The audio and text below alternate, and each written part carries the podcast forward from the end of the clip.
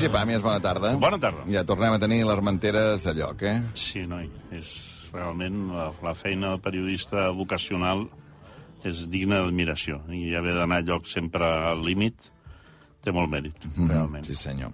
Es, per cert, eh, abans no me n'oblidi, records del Ferran Torrent, molts records. Ah, Que... si, si el veus... Bueno, ja l'he vist, ara no sé si el tornaré a veure, però vaja, estarà si el unes hores tornes a anys, veure, no? que està les pròximes hores, li, li tornes amb una abraçada molt forta. explicat molts Torrent, records sí, d'aquella època que ella es movia més per aquí, amb el Ramon Bernils, amb el Quim Monzó, amb tu... I recordo un viatge que vam fer ell i jo a Lió.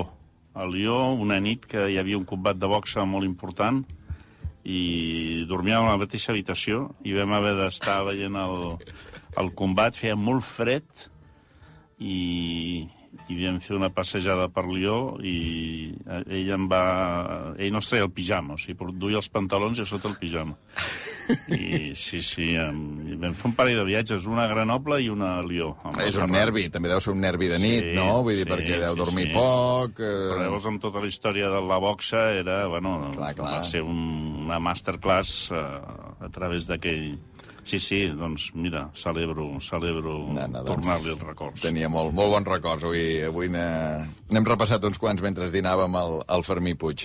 Bé, no sé per on vols anar avui a, Mira, jo a, crec a la que tele. mm, per, per cronologia, cron, mm, diguéssim, de les coses importants que han passat les últimes hores, jo, jo començaria per l'Espinàs, uh. -huh. per la, pel vessant televisiu de l'Espinàs, que és una pràctica, la de l'entrevista d'una persona que oficialment no és un entrevistador, eh, va, va tenir uns dos programes, bàsicament, molt coneguts, que són Identitats i Personal Intransferible, a tots dos a TV3, en què eh, va poder mostrar tot aquest talent per la conversa. Ell era molt partidari de no dir-ne entrevistes, sinó converses, i era molt partidari de, de dues coses. Una, portar la gent més eh, notable, més, més eh, reconeguda del que representaria eh, la cultura catalana, i d'altra banda portar gent absolutament anònima, desconeguda, que no sortia habitualment per la tele. Que això era el personal Sí, intransferible.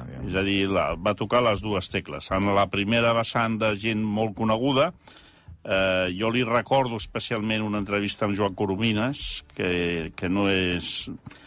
Que, que curiosament no ha quedat com un dels grans documents de la nostra cultura i de la nostra llengua, eh, quan és un monument. És una conversa monumental i, a més a més, no hi ha gaire document audiovisual de, de Joan Coromines i potser seria bo evidentment devia, deu pertany a aquella època en què les coses no es guardaven i en què, que no deuen haver-hi... Ho has mirat, si és a No, TV3 no a la carta? no, o no, podem no. mirar això, Maria? A veure si TV3 a la carta trobem aquest Identitats Sí. del Josep Maria Espinàs dedicat a Joan Coromines. I, i llavors ell feia entrevistes a, a personalitats rellevants de... Crec que en el cas... I els hi demanava, eh, que era una cosa que s'ha fet després i s'havia fet abans, de portar un objecte. Aleshores, el cas de Coromines, si no recordo malament, era la famosa calaixera en què hi havia les fitxes, eh, que era una calaixera, no sé, hi havia 4 milions de, de fitxes, o no sé. I, i, I era molt curiosa la tria dels... dels Les fitxes de tot el seu diccionari Sí, etimològic, Això eh? mateix, Uh -huh. amb, amb, amb l'origen de cada paraula, de cada topònim, en fi, una cosa absolutament excepcional, amb una... perquè, a més a més, Coromines no donava entrevistes, no concedia entrevistes perquè considerava que no tenia temps. De manera que cada minut li donava un, un valor excepcional i, i, l'oportunitat de poder parlar amb l'Espinàs va ser única. Ahir, ara que parles de Coromines i Espinàs, vaig eh, allò que rellegir algun llibre seu, hi ha un llibre que es diu Temps afegit, que ell publica Sí. quan té 73 anys, perquè ell diu que de jove havia llegit que l'esperança de vida dels homes era 73 anys, no? I llavors, l'any 2000, li coincidia això, diu, home, a partir d'ara tot el que visqui ja és temps afegit, no?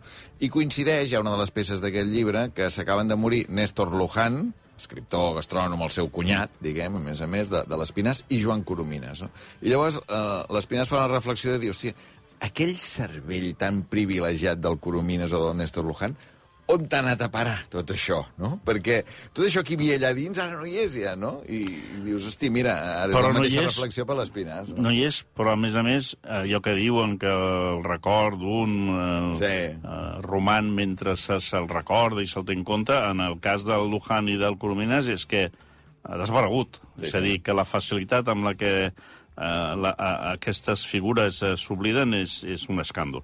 I llavors feia una cosa, això dels objectes, que era molt divertit. Per exemple, va entrevistar el Raimon, i aleshores, clar, hi havia el moment... es- L'espectador estava expectant, deia, home, a, a veure quin objecte haurà portat el Raimon. T'imaginaves una guitarra o, o la guitarra amb la que vaig composar el vent, o la vespa... La vespa amb la que eh, anàvem sí. com vaig fer el vent, sí. Eh, que per cert ara fa 60 anys. Eh, I va portar una porta.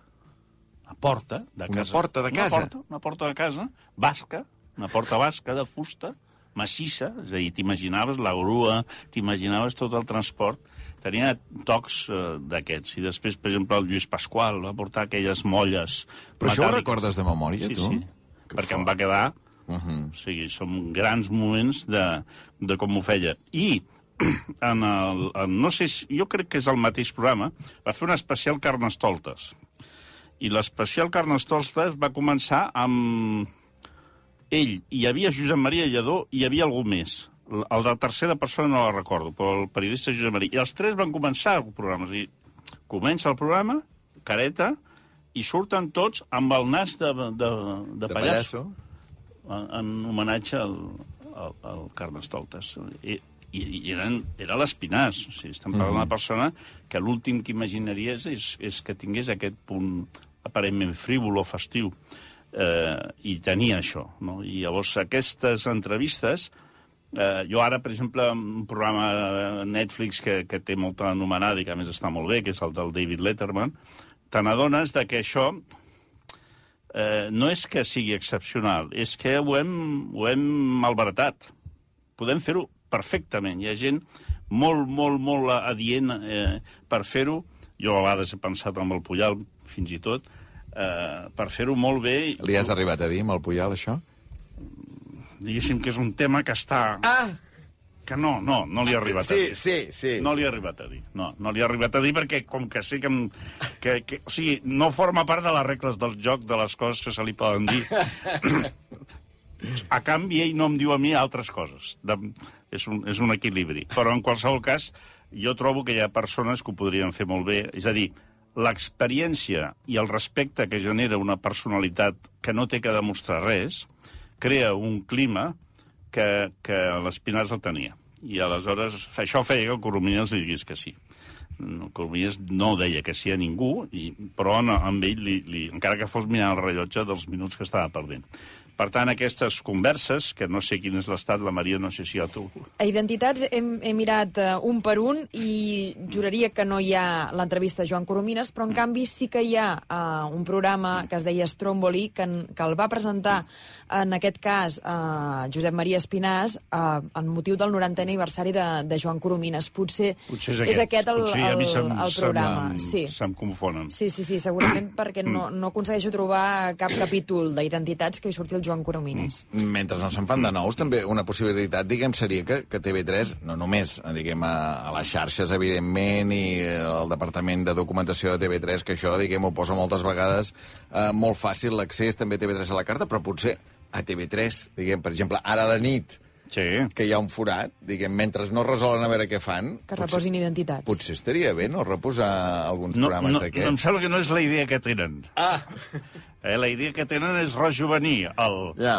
el públic i buscar públics eh, digués, estan més per la banda eufòrica d'eufòria mm. que per una banda recapitulatòria i d'homenatge a, a les arrels com és, com és els programes de les Pines. En qualsevol cas, dintre de la multitud, eh, ahir veu subratllar l'aspecte musical, doncs jo crec que hi ha, una, hi ha un talent televisiu molt potent que no tenia a veure amb la tele, amb el mitjà, tenia a veure amb la, amb la capacitat de conversar, que és una de les coses a les que la nova televisió o de la televisió contemporània no sé per quina estranya raó ha volgut eh, eh, renunciar, però eh, probablement perquè no dona audiència i no, no sé, no sé per què, però Però sí que hi ha programes d'entrevistes, no?, a la tele? De, de converses, no. Aviam, Ell, eh, ell era molt partidari de distingir això. És a dir, una cosa és fer una entrevista en la que normalment el 90% de les preguntes, això està calculadíssim, són preguntes que, sobre coses que ja t'han preguntat. És a dir, tu vas dir una vegada, això és una frase que constantment, es, eh, tant a la ràdio com a la tele, eh, es fa servir eh, jo mai no recordo que l'Espinàs digués tu vas dir una vegada. I si ho deia realment, era que eh, aquella vegada que ho havia dit era molt important. Però el jugar amb la documentació o ara et diré noms de l'actualitat i tu m'has de contestar amb un adjectiu, fes-m'ho breu, si plau, perquè el temps se'ns està tirant al damunt, això no és una conversa, ni és una entrevista, ni és res. Sí, perquè moltes vegades, jo crec que l'Espinàs, això sí que, que me'n recordo, que és que començaven moltes d'aquestes converses, qui eren els teus pares? Sí. Preguntes curtes, era, Sí. sí. estava molt obsedit amb que les, les preguntes havien de ser molt curtes, et situava i creava un clima, jo també li recordo amb un pescador, no? que Sí. quina hora et lleves? Doncs començava mm. així. Quina hora et lleves cada dia? Doncs ja, tu ja et situaves, a, me, a més a més hi havia un punt, sobretot amb la gent que no eren personalitats eh, públiques, eh, que era tranquil·litzar-los.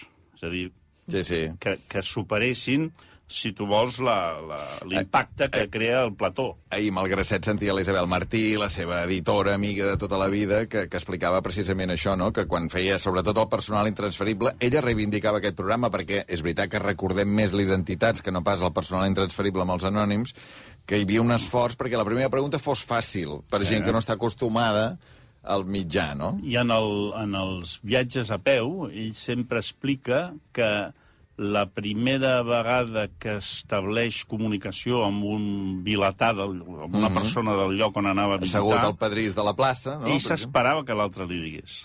És a dir, Sí, sí. imagina't un entrevistador que s'esperés a que la primera pregunta li fes el d'entrevistat, no? Era, era una cosa... Però això era molt intel·ligent i, sobretot, molt modern. Era extraordinàriament modern. Jo crec que amb el temps no només deu haver envellit bé, sinó que deu haver rejuvenit. És a dir, tenint en compte tot el que ha vingut després i l'escandalosa abandonament de- d'aquest tipus de gèneres, per entendre's de, de, del Soler Serrano, això mateix que de vegades recuperem l'entrevista de, de Soler Serrano amb Dalí, o amb Borges, o amb Josep Pla, i en, ens al·lucina la, la, la, el, el partit de ping-pong, no? De, entre el respecte, l'erudició, el document, clar, són figures molt importants. I, en canvi, el que feia Espinàs és fer el mateix amb una persona eh, que no era de coneguda. I quan ho feia amb una persona coneguda, el Raimon, o l'Espriu, Sí, sí. també li recordo. La, El Foix, em sembla. Montserrat Roig. El Montserrat Roig. I eren entrevistes que l'entrevistat volia estar a l'altura. I, I aleshores eh, això es notava molt, però volia estar a l'altura no per un, un afany de vanitat, sinó per un afany de respecte a la persona que t'està entrevistant. Però, Sergi, tu deies això, que l'Espinàs era molt modern. Clar, quan veu irrompre, diguem, eh, Monzó, Pàmies, etc anys 80, el veieu modern, també? O en aquell moment, diguem, els moderns éreu vosaltres i havíeu d'enderrocar, entre cometes... A veure, jo no diria que l'Espinàs la característica principal fos que era modern, d'acord? Que era modern te n'adones passats els anys. És a dir, la, ell, com que no anava de res, mm. no, ser modern no era. En el meu cas particular, el Quim és diferent perquè jo, una de les raons per les quals em vaig començar a fixar seriosament amb l'Espinàs eh, va ser gràcies al Monzó, que, que, que l'admirava molt i el seguia molt i tenia una opinió molt, molt professional i molt pròxima de l'Espinàs. Jo tenia el, el, el, dra el drama, el, el, el llast familiar. A casa meva l'Espinàs era l'amic o el col·lega de la meva mare i, per tant, escrivien a l'avui i, per tant, per mi eren els carques, uh -huh. d'acord? Com que jo partia de la cosa adolescent estúpida de que tot això s'ha de matar, jo vaig desenvolupar un... Jo era anti-espinàs, però no et pots imaginar. Però fins bastant... fins als 20 i bastants. I, per tant, eh, per, per mi, pels meus amics, per la gent eh, una de les activitats era en fotre's de tot això, eh? en fotre's de Montserrat, en fotre's de, de, dels coros claver, o sigui, d'alguna manera creure que amb una postura i falsament irreverent tu tenies una raó que era la raó del jove, però era la mateixa mm. raó que dona l'estupidesa i la ignorància. I gràcies precisament a, a, a primer a llegir-lo, i sobretot a dos o tres persones que et diuen no, no, mira tu bé això, i després ja finalment a conèixer-lo, ja aleshores te n'adones. I és quan descobreixes la modernitat. Però no és, no és que hi hagués un combat de modernitats, perquè, repeteixo, l'Espinàs, dintre de la seva multitud de, de virtuts, no hi havia cap ambició de ser modern. Però ho era molt, i, i quan, a mesura que, eh, que veus eh, que va, va deixar les coses que li agradava fer, te n'adones que a multitud d'aspectes era molt modern. No? I això passa, això només t'ho dona la distància. Clar, clar, la distància, els anys, però és interessant això, això que dius i veure també des de la perspectiva del Sergi Jove, perquè penses amb l'Espinàs i dius, home, eh, a molta gent li agrada agradar amb els joves que ara ho peten, diguem, no? I llavors no, no, jo, jo, algú s'intenta acostar més, intenta canviar... Fent un esforç de memòria, una de les converses per a fotre's de l'Espinàs era avui ha fet un article sobre que li han robat la cartera, perquè d'alguna manera, el model d'article uh -huh. era avui m'han robat la cartera. I sobre això desenvolupava tota una tesis. I clar, això, per, per un idiota de 24 anys que es pensa que és l'amo del món, no, havies de parlar de, de, de, de Mick Jagger o de David Bowie o de Wim Wenders. I això eh, tu menges, però tu menges molt a gust. La Montse Pineda ens diu que el dia que va morir, que si no m'equivoco va ser diumenge, al Canal 33 van fer dos programes d'identitats que van recuperar el de Montserrat Roig i el de Salvador Espriu, deliciosos tots dos. I el Guillem Ilkiway escriu que diu les últimes grans converses que s'han pogut escoltar com a mínim a la ràdio són el meu pare les del Jordi Beltran. Diu, hem passat fantàstiques estones d'estiu escoltant-lo. Sí, això perquè el Jordi, veus, també feia això de portar gent... Sigui, jo li recordo una entrevista de 40 minuts amb un serraller, no? El Beltran feia mm -hmm. entrevistes a oficis i aleshores 40 minuts parlant de, de, de com, quines... Això el Beltran ho feia uh, molt bé. Per tant, estic amb el, amb el Guille, que, que és un estil...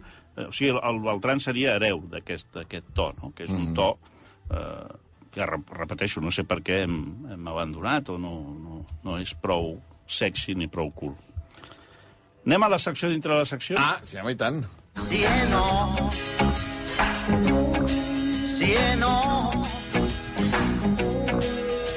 Perché, perché, perché non ti decisi mai?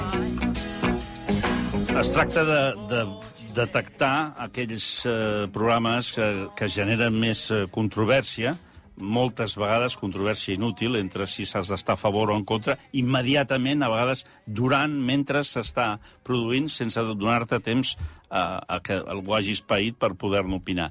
Diria que en aquest cas el sí i no és on està més justificat. No? Seria Eurovisió, seria Benidorm Fest. Estem parlant de Benidorm Fest de Televisió Espanyola, les semifinals, la final, tot això, amb uns índexs d'audiències menors dels que havia tingut, però bé, amb, amb molta expectació, una operació de televisió espanyola molt potent, amb una quantitat de mitjans brutal. Sembla que aquest any no ha sortit del terreny estrictament musical, no? que l'any passat, diguem, els polítics hi van sí. intervenir, també van sí. fer tuits o post a Instagram dient quins eren els seus candidats. Sempre, no? sempre a remolc de, del, de la immediatesa de les xarxes socials. Eh? Uh -huh. És a dir, aquí, com que no hi ha hagut Uh, o sigui, les xarxes socials només s'han manifestat a base de preferències, però no d'una força subterrània que, que mm, denotés un altre fenomen.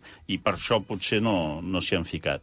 Però sí que és un, és un sí i no molt habitual. Tu figura que has de prendre partit a favor o en contra, o a favor i en contra, quan tu pots veure aquest programa i adonar-te perfectament de que la mediocritat de les cançons és infinita, això d'una banda, és el primer, primer diagnòstic, no? Quan entres al metge que et penses que tens... Primer diagnòstic? Tu dius, jo tinc reuma. Diu, no, no, vostè no té reuma, vostè té càncer. O sigui, és, és diferent. Llavors, la, el diagnòstic immediat de qualsevol eh, persona que tingui una mínima educació musical és que, en general, el nivell... Ostres, costa de 10 cançons, de 12... Això també passa una mica amb Eurovisió. Per tant, t'has de començar a fixar i potser d'aquí vindria el sentit d'una samarreta i posar-te en una trinxera i de, en altres coses, no? en, en la simpatia, la posada en escena, la il·luminació, el vestuari, eh, la gràcia que puguin tenir els uns i els altres a l'hora de defensar la cançó. Per exemple, això és una altra cosa que, que m'encanta, no?, de la, de la nova retòrica, aquesta, defensar una cançó. Escolti... És una cançó. Els Beatles defensant el rei Jude. No la defensaven, la cantaven. Potser si la gent és No haguessin dit que era una mostra d'empoderament al Hey Jude, per exemple, no. Però, però sobretot que si dediques la teva energia a defensar-la, probablement no cantaràs bé. En canvi, si dediques tota l'energia a cantar-la, igual sona bé. Vull dir que al final, a vegades, amb tota la pressió aquesta prèvia que es crea, passa una mica amb el futbol, això, que a vegades hi ha jugadors que dius, aquest jugador no, no, no, no farà res avui perquè té massa voluntat de defensar mm. el, la seva titularitat. No? I, per tant, aquest és un cas claríssim de, de programa que d'alguna manera justifica que et distreguis amb altres coses. Llavors, una de les distraccions és estar a favor o en contra d'algú. Però et va agradar la que va guanyar o no? No, no, no em va agradar cap. Ah, no et va agradar cap. No em va agradar Amb cap. qui anaves, tu? Amb Amb cap? ningú, perquè Amb eren cap, totes- home. totes Així era- és un no, el teu. O sigui, el, teu no és un sí o no és un sí, no. Però era un sí i no en el sentit de que estava a favor de que fes tot, saps? És a dir, Mhm. em va semblar un bon programa, una bona operació. Els presentadors, per cert, molt dolents, també. Però molt. Llavors no et va, no et va semblar un bon programa. perquè el crític de tele o el comentarista de tele sempre surt guanyant. És un win-win. Si són dolents, perquè són dolents. I si són bons, perquè són bons. Però jo disfruto veient un mal arbitratge de Mateo Laoz. és a dir, penso, mira, és una catàstrofe d'arbitratge, però sí, sí, l'estic però veient. realment tenien... l'any passat tenien un problema i aquest I any aquest any tornen tenint un tenir. problema. Sí, és a sí. dir, que, que llavors tu penses, no, a, a darrere d'això hi ha molta gent pensant. Llavors tu dius, fan expressament. O els hi és igual, que és per això de sí i no, no? Posa't els cascos, que et posaré la cançó que va guanyar. Va, home, que així eh, puguis sentir i pu- puguis dir, a veure, ja, si dins la mediocritat infinita, a veure què et va semblar aquesta. Llavors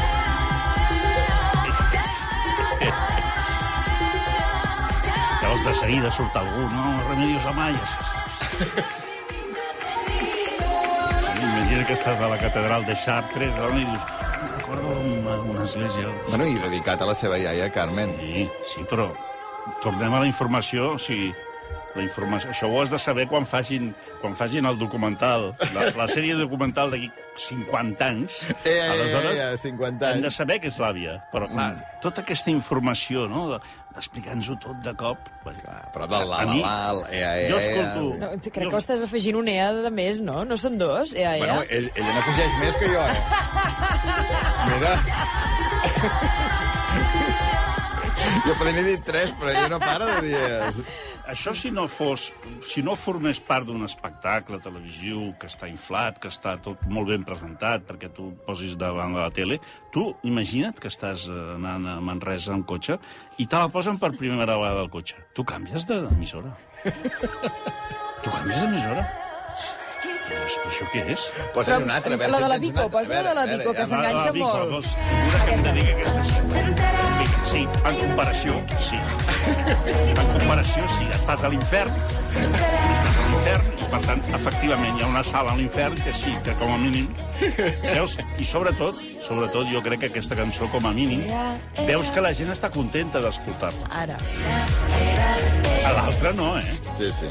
Aquesta, ja, ja, no. aquest divendres la posen a qualsevol sala, bueno, o avui mateix, és Sí, igual, sí, eh, sí. i això ho peta. Exacte. Però tam tampoc és, saps? tampoc és que diguis ostres, m'ha canviat la vida. No és la Jut. Va, uh, què acabem? Què, què, què podem mirar avui a la tele? Perquè torna a ser un dimarts. Avui s'estrenen un programa, no? Avui estrenen un programa que es diu Vamos a llevarnos bien, que és un programa de figura que és mm, d'humor.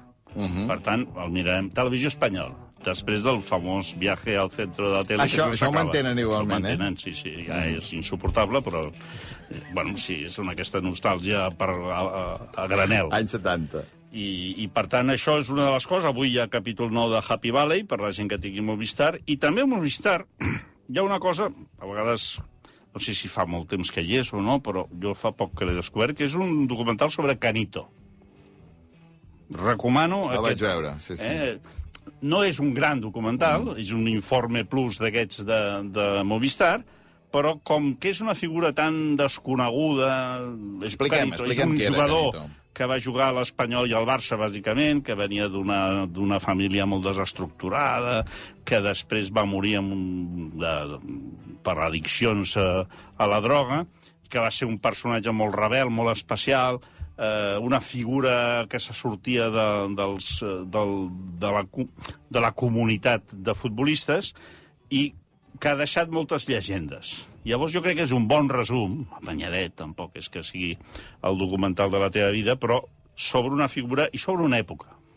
La manera com els jugadors es relacionen entre ells, la manera com els recorden, hi ha uns, uns testimonis de l'Hipólito Rincón molt macos, i- inclús del Reixac. Sí.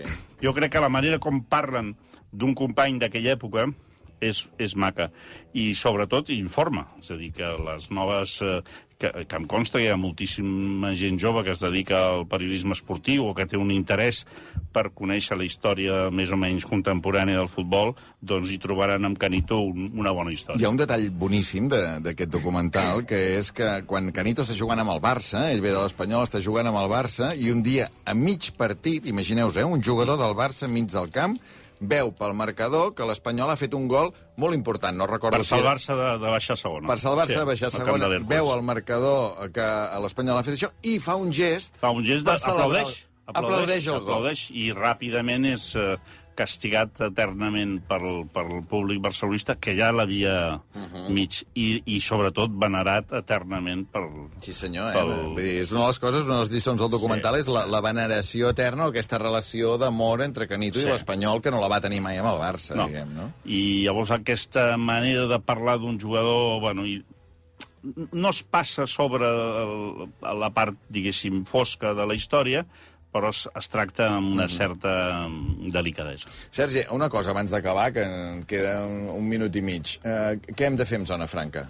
En zona franca, pos, posar-hi l'espinaç eh, a, a, a, No, no, a però 1,5. vull dir- Allò, allò del Netflix, que vas més de pressa?